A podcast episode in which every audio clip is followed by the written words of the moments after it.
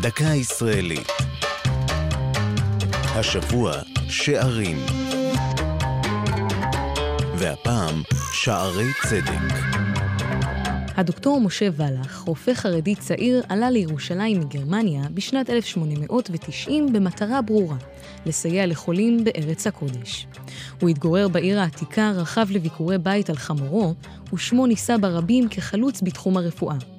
אבל זה לא הספיק, וכעשור לאחר בואו הקים בית חולים, הראשון מחוץ לחומות, מוסד שהיה המתקדם ביותר באותה תקופה, שערי צדק. בית החולים נקרא על שם השכונה בה הוקם. ולח ניהל אותו במשמעת ברזל תוך שמירה קפדנית על ההלכה היהודית ומסירות אין קץ.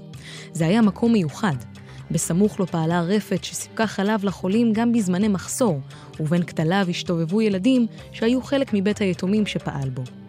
ולח היה רווק מושבע, ורקם קשר קרוב עם זלמה מאיר, האחות הראשית של בית החולים, במשך למעלה מיובל שנים. לבלח היה בית החולים הרבה מעבר למקום עבודה. הוא התגורר בו כל חייו ונקבר בסמוך לו במרכז ירושלים.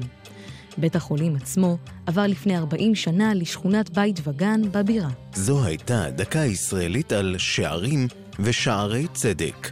כתבה אחינועם קפון, ייעוץ הפרופסור שפרה שוורץ, עורך ליאור פרידמן.